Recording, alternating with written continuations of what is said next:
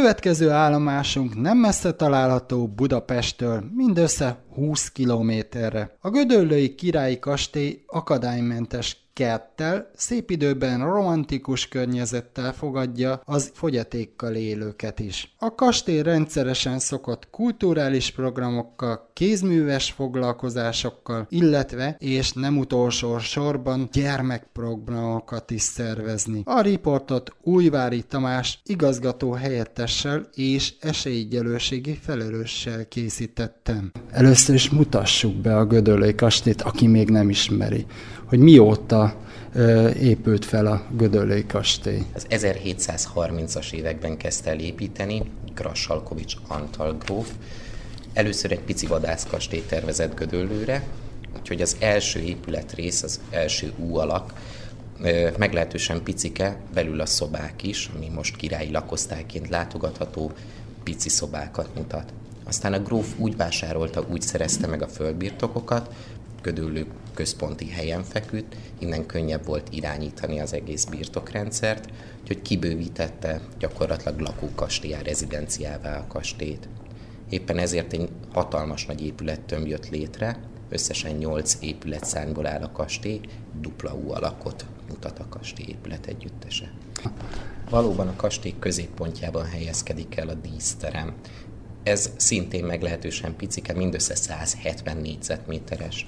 Hétköznapokon a látogatók nézhetik meg a kiállítási útvonalba esik bele ez a terem is, azonban nagyon gyakran esténként, főként hétvégéken koncerteket, gyermekprogramokat, bábelőadásokat tartunk ebben a teremben. Sőt, a teremben magárendezvények is vannak, például esküvőket is tartunk itt. Stílusról meg lehet említeni? Igen, barokk stílusú a kastély, azonban azt szokták mondani, hogy Grasalkovics Antal stílus teremtő volt a Gödöllői kastélyjal, néhány szempontból ugyanis lényeges szempontból eltér a tipikus barokk kastélyoktól, épületektől ez a kastély. Ugye általában a barokk kastélyokban díszudvar felől érkezünk meg, ezt látjuk mondjuk Eszter házán is. Ezzel ellentétben Gödöllőn szinte hátulról van a bejárat, tehát nem az udvaron az épületek ölelésében érkezünk, hanem a hátsó részből. Ez képezte annak idején is a fő érkezési útvonalat. A kastély színei sem a tipikus barokk színek, ugye nagyon visszafogott maga az épület tömege is, illetve a díszítettsége, festése is. Jó néhány helyen találkozunk egyébként ilyen Grassalkovics vagy Gödöllői stílusú barokk kastélyjal, néhányat a gróf maga épített, néhányat pedig gyakorlatilag a korban, abban a korban, amikor élt, picit később mások építettek. És ez sem szó az akadálymentesítésről, hiszen a az egész Gödöllői Kastély Múzeum, illetve a Gödöllői Kastély is akadálymentes, esélyegyelőség meg van teremtve. A legtöbb helyen az a problémás dologgal jönnek, hogy ugye hát műemlék. Itt hogy zajlott az akadálymentesítés? Valóban a műemlék egy olyan adottság, amit nagyon nehéz megváltoztatni ennek, ezeknek az előírásoknak, illetve annak a történelmi hagyománynak, amit most próbálunk továbbvinni. Nyilván nagyon nehéz átalakítani, nagyobb átépítéseket eszközölni. Azt gondolom azonban, hogy figyelemmel mindent meg lehet oldani, ez is egy ilyen kérdés, és hál' Istennek a kastélynak az építész tervezője Máté Zsolt és csapata, illetve a kastély személyzete is próbál ezekre a szempontokra is odafigyelni, és megvan az odafigyelés, megvoltak a megoldások is. Olyan helyeken alakítottuk ki a lifteket, ahol kevésbé értékesek a szobák, vagy olyan helyen építettünk például liftet, ahol csak a lépcsőházat kellett egy picit kitágítani ahhoz, hogy beférjenek ezek az eszközök. Az esélyegyenlőség ugye nagyon széles spektrumú, nem csak kerekesszékesekre kell gondolni. Gyakorlatilag esélyegyenlőség tágabb értelemben, mondjuk a Gödöllői Királyi Kastély szempontjából nagyon egyszerűen megfogalmazható, minden egyes látogatónak ugyanazt a lehetőséget, azt az élvezetet kell nyújtani. Legyen külföldi, akkor idegen nyelvű segítségnyújtással, legyen kerekesszékes, lifttel és körbejárhatósággal, siket nagyot halló, és akkor indukciós urokkal. Még ez is van? Természetesen van. Vannak fixen beépíthető, beépített indukciós hurkok, ilyen van például az információs irodában, a pénztárban, vagy a díszteremben, színházteremben, tehát ahol tipikusan előadások vannak. A kiállítás látogatáshoz pedig az audio guide rendszerünkhöz van indukciós hurok, ez pedig a látogató magával vitheti a látogatásra. Éppen ezt akartam kérdezni, hogy a hallássérülteknek, illetve a vakokra is gondoltak ezzel. Igen, Gondolom. természetesen a vakok gyengén látókra is gondoltunk. Egyrészt már az aulában van a teljes kastélyt áttekintő sematikus térképünk. Ezen kívül pedig a pénztárban a kollégáink is elvihető térképet adnak a látogatóknak, ahol kézzel nyomon tudja követni, és hogy mi is ez ebben a labirintusszerű kastélyban a látogatható útvonal. Tehát, hogy elképzelje a látássérőt, hogy hol jár. El tudja képzelni. Ilyen dombornyomású gondolom. Egy dombornyomású kis A4-es térkép. Na ez példaértékű a többi kastélyoknak, illetve hát a többi e, múzeumoknak is szinte azt mondható. Volt is egyébként erre példa és ha már segítő kezekről beszélünk, ilyen történelmi jellegű tárlatoknál a legnagyobb gond az, hogy nem nagyon lehet hozzáérni a kiállított tárgyakhoz, bútorokhoz, több száz Igen. éves szobrokhoz, vagy akár csak a tapétához, falhoz. Ezt mi úgy oldottuk meg, a vakok gyengén látók látogatását segítve, hogy a múzeológus kollégáink összeállítottak egy listát, hogy az egész kastély múzeumban az egyes területeken mik azok a tárgyak, amiket a vakok gyengén látók megérinthetnek, és így képet kaphatnak egyrészt a kastélyról, annak díszítettségéről, a bútorokról, a kályhákról, a képekről, a keretekről, mindenről, és ezt valamennyi teremőr kollégám megkapta, így hogyha vakgyengén látó látogatónk van, akkor a teremőr kollégák, akik végig a Kastély Múzeum szobáiban állnak, segítenek és megmutatják egyenként ezeket a tárgyakat, tehát élménnyel távoznak a vakok gyengén látók is tőlünk. De egyébként nem csak számukra élvezetes megérinteni a tárgyakat, gyerekeknek, vagy nekem is, én is élvezettel tapicskolok végig bármit, amit lehet egy kiállításban. Ilyen tapintható kiállítás is van? Van tapintható tárlatunk az újonnan átadott részekben. Minden fiókot ki lehet húzogatni, minden fiókban valami kis tárgyat elrejtettünk. Van olyan rész, van olyan vitrin, ahol a 6-8 fiókban gyakorlatilag a parkettákat, az aranyozott felületeket. Gondolom ez nem az eredeti, hanem másolat. De bizony eredetit, még 270 éves eredeti Grassalkovics Antal téglát is meg lehet érinteni, mi rajta van Grassalkovics Antal monogramja. Itt, ahol most állunk, ez a Gödöllé Király Kastély Múzeumnak, Sziszi hercegnőnek a rezidenciája? Valóban a királyi lakosztály. A királyi család minden tagjának, így Erzsébet királynének, Sziszinek is öt szobás lakosztálya volt. Ahol most vagyunk, az az öltözködő szoba udvarhölgyek, varrónők segítették rá itt a ruhákat. És megemlítette, hogy külön volt a férfi, illetve a női Valóban részleg kastély díszterme elválasztja Ferenc József és Erzsébet királyné lakosztályát, de nem csak ezt a kettőt, gyakorlatilag azt mondhatjuk, hogy a Ferenc Józsefi oldalon laktak a férfiúi családtagok, és a királyné oldalán laktak a női családtagok. Az északi rész volt a férfi, aki a déli rész a nőké. Aki ide betér, az szinte csodákat tapasztal, sőt, azt mondom, hogy romantikára talál. Valóban Erzsébet királyné is egyrészt romantikusnak, másrészt pedig nyugalomnak telinek gondolta a Gödöllői kastélyt, ezért szerette oly nagyon.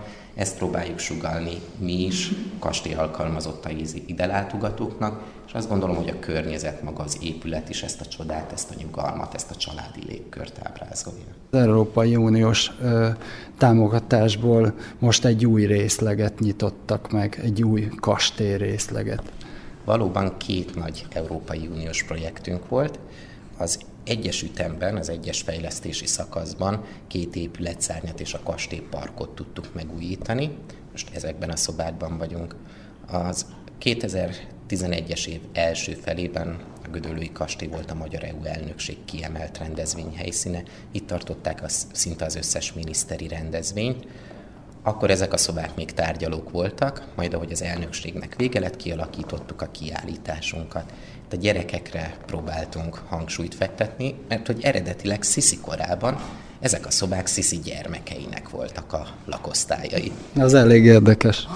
Úgyhogy a annak idején gyerekszobákban most is hasonló gyerek gondolkodást hoztunk be. Például, ahol most vagyunk, számítógépek vannak, készítettünk a kastélyról számítógépes játékokat, meg a kastély parkjáról és a kastély történetéről, és a gyerekek itt számítógépes játékokkal játszhatnak a gyönyörű szép Tehát mondhatjuk szobákban. azt, hogy ö, találkozik a régmúlt a digitális korszakkal. Szó Ez szerint szó itt szerint a bútor igazodik a régi múlthoz. Ráadásul. Így van.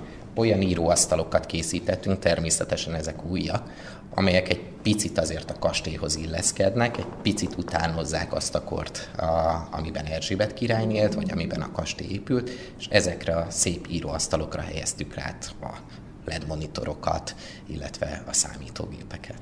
Itt a szoba közepén található egy ilyen gyerek makettnak is mondhatja. Igen, egy makettet is elhelyeztünk a szoba közepén. Kastélynak ugye több korszaka volt. Ennek megfelelően sokszor átépítették, és az egyes részeket máshogy használták. Bemutatjuk a maketten, a makett egyik részén, hogy ez a szoba, ahol most vagyunk, hogyan volt használatban, hogyan volt kifestve a Grassalkovicsok idején, a kezdetekkor, aztán a következő lépésben bemutatjuk az 1800-as évek elejét, egészen pontosan az 1805-ös esztendőt, mert hogy akkor a napóleoni háborúk idején Szent Koronát menekítették Budáról, ebbe az irányba gödöllő felé. Abban a szobában, ahol most állunk, itt őrizték napokon keresztül a Szent Istváni koronát is. Ez látható a következő makettképen. Ezt uh, Eisenstadtban is tapasztaltuk, ezt a módszert, de viszont ott élőben, hogy így rétegelve a falon. Igen, valóban a falfesték rétegek egymáson azon szépen nyomon követhetők. Nálunk a történészek, restaurátorok azt a döntést hozták, mindig egy szakmai zsűri által kiválasztott legértékesebb, legjobban bemutatható réteget mutatjuk be. A kivétele ez a szoba, mert ha megnézzük, középen van egy fehér csík, és a szoba egyik felének falfestése eltér a másiktól. Itt ugyanis két korszak falfestése maradt meg nagyon szépen, és mind a kettőt igyekeztek bemutatni. A réteges megoldást mi itt Gödöllőn nem alkalmazzuk. Gyönyörű szék égszínkék tapétával, meg függönyökkel díszített szobában vagyunk, rengeteg arany látható még ezen kívül, mind a bútorokon, mind a tükrökön, mind a kájhán. Ez a királyi leánygyermekeknek volt a szalonja, társalkodó szobája, a fotelekben ülve beszélgettek egymással, és itt a vitrínben látható mögöttem egy gyönyörű aranyozott vitrínben egy kis ezüst gömböcske, áttört gömböcske, azt tartotta a gombolyagot, beszélgetés közben ebből húzták ki a fonalat, és tudtak kötözgetni. Ez a kis gombolyag tartó pedig a csuklójukra volt erősítve, hogy a gombolyag ne kuruljon el, és ne kelljen föltekerni aztán a Következő szobába megálltunk, és egy ö, szekrénykét találtunk itt, és ki lehet húzni, hogy ez miért készült. Azt gondoljuk, hogy nem csak a gyerekek, hanem a felnőttek is kíváncsiak a titkokra.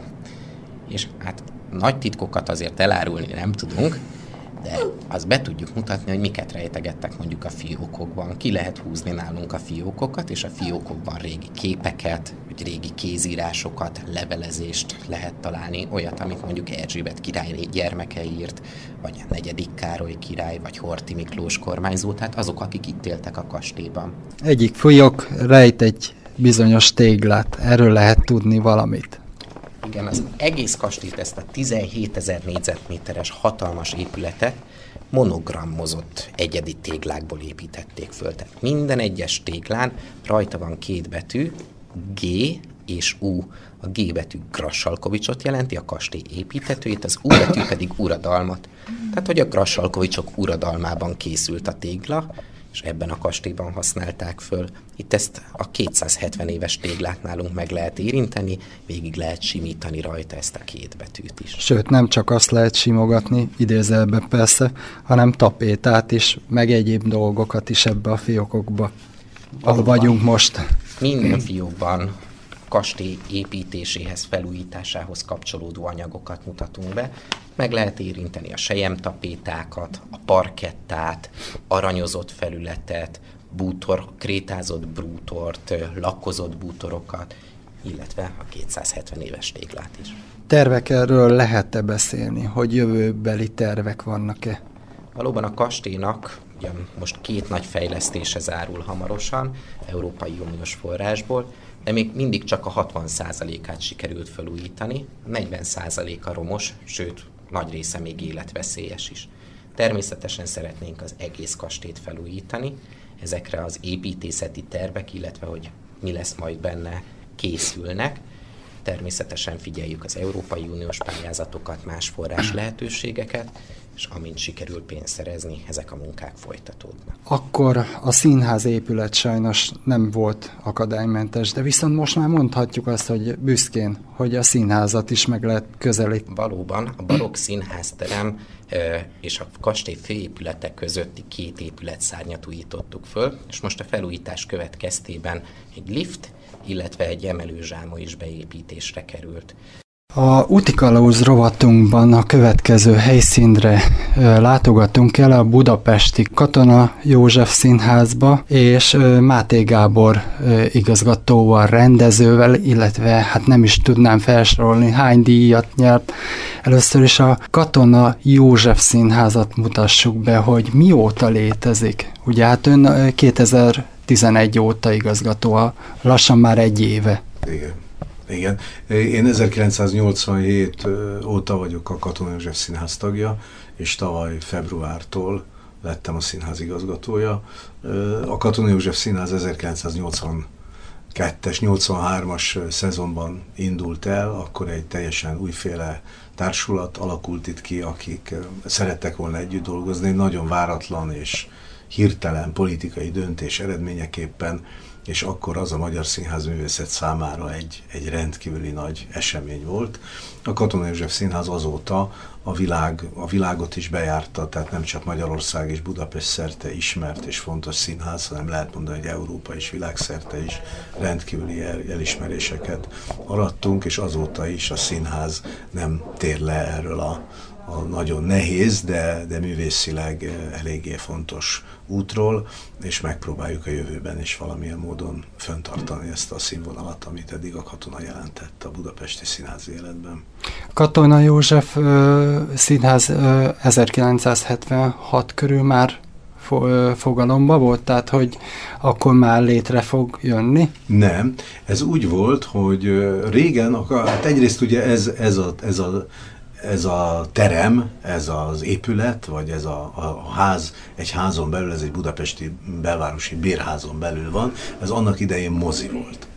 És a, még a század elején egy rendkívüli, fontos, nagyszerű színházi ember, Bárdos Artúr teremtette meg itt a belvárosi színházat, amelyik hol ö, gazdasági nehézségekkel küzdött, és emiatt be kellett zárjon, hol újra el tudott indulni, és egészen eltartott ez a második világháborúig. A második világháború után pedig különböző neveken tovább létezett, majd a Nemzeti Színháznak volt ez a kamaraszínháza, egészen körülbelül 70 szerintem 72-73, vagy lehet, hogy 74-ig, és akkor renoválták, tehát bezárták, hogy fel fogják újítani a katonát, de úgy, mint a Nemzeti Színház kamaraszínházát de mikorra elkészült, ez a közel tíz éves átépítés volt, tehát nem annyi ideig tartott, mint el, azt hiszem először másfél vagy két évig akarták csak átépíteni, ez jóval lassabb volt ez a munka, és mikorra újra felépült és rekonstruálták ezt az épületet, teljesen modernizálták, meg egészen más volt ez a színház, mint, mint, mint annak előtte, addigra már egy, egy politikai döntés született, ami arra vonatkozott, hogy a Katonai József Színház egy önálló intézmény legyen.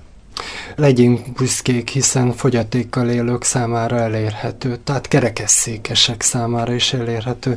Milyen szolgáltatásokkal várja az ide látogató fogyatékkal élőket? Hát a, a, Itt a bejáratnál igen, már rögtön küszöbb nélkül. Igen, küszöbb nélkül természetesen. Illetve van itt ö, karfás lift. Van egy karfás lift, amin, amin tudjuk szállítani a kerekesszékeseket, tehát, és van egy, van egy olyan mellékhelyiségünk is, ami úgy van kialakítva, hogy kifejezetten mozgássérülteknek, kerekesszékeseknek legyen fenntartva. Tehát ott azt más nem is használja, csak a kerekesszékesek. Ha akadálymentesítésről beszélünk, akkor gyerekekre is gondoltak, tehát gyerekes igen, család. Igen, igen, természetes, természetes. Ez nagyon fontos nekünk.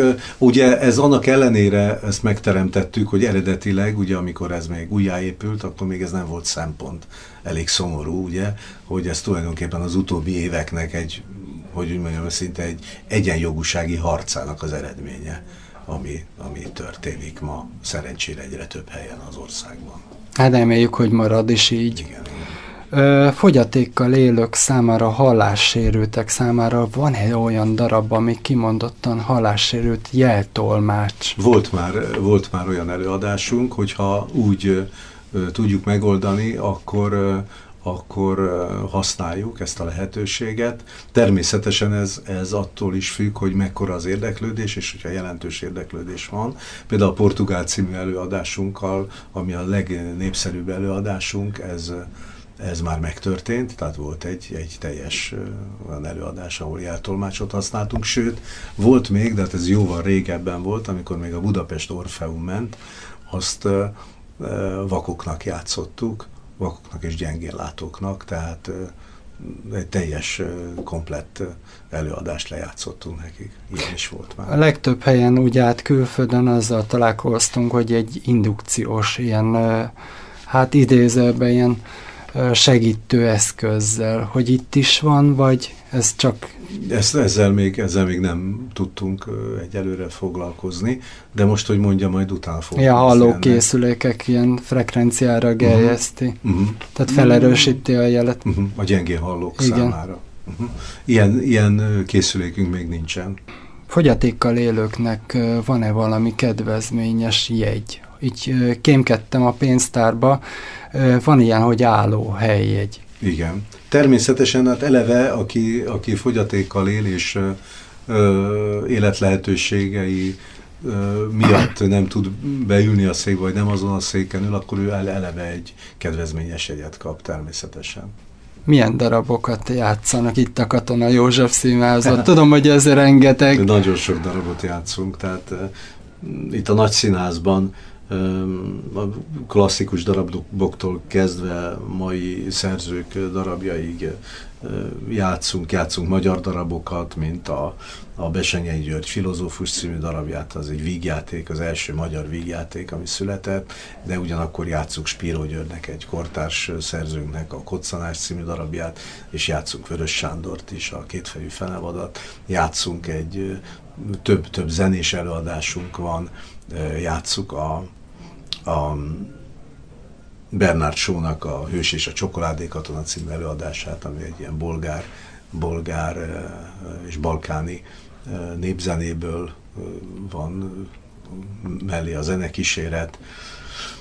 Játszunk most éppen a, a Gorki, Maxim Gorkinak a Kispolgárok című darabját próbáljuk, amikor a jövő héten lesz a bemutatója. Van egy másik zenés előadásunk, a Büchner Wojciekének egy, egy olyan feldolgozása, ami, amihez Tom Waits szerzett zenét. Ezen kívül játszunk egy, egy francia regényből, Flaubertnek a Buvár és Péküsé című regényéből játszunk a Dilettánsok című darabot, tovább játszuk a Portugált is, ami most már túl van a 300. előadáson, úgyhogy a nagy színpadon is elég, elég sok előadáson, 10, 10 fölött van a, a játszódarabok száma. Fejlesztések, tervek vannak-e? Terveink vannak, ugye minden anyagi, tehát minden, minden pénzfüggő. Szó van egy kávéháznak a létesítéséről, ami az előcsarnoknak a funkcióját teljesen megváltoztatná.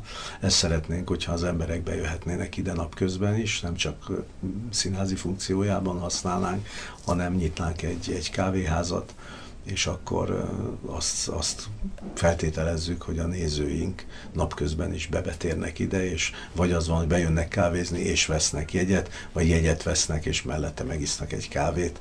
Tehát, Tehát egybe becsábítják igen, szinte. Igen, igen, igen, igen. És nyitottak, akkor nyitottak nagy Isten a kultúrára nyitottak hát lesznek. Máté Gábornak pedig köszönöm szépen az interjút. Én is nagyon szépen köszönöm.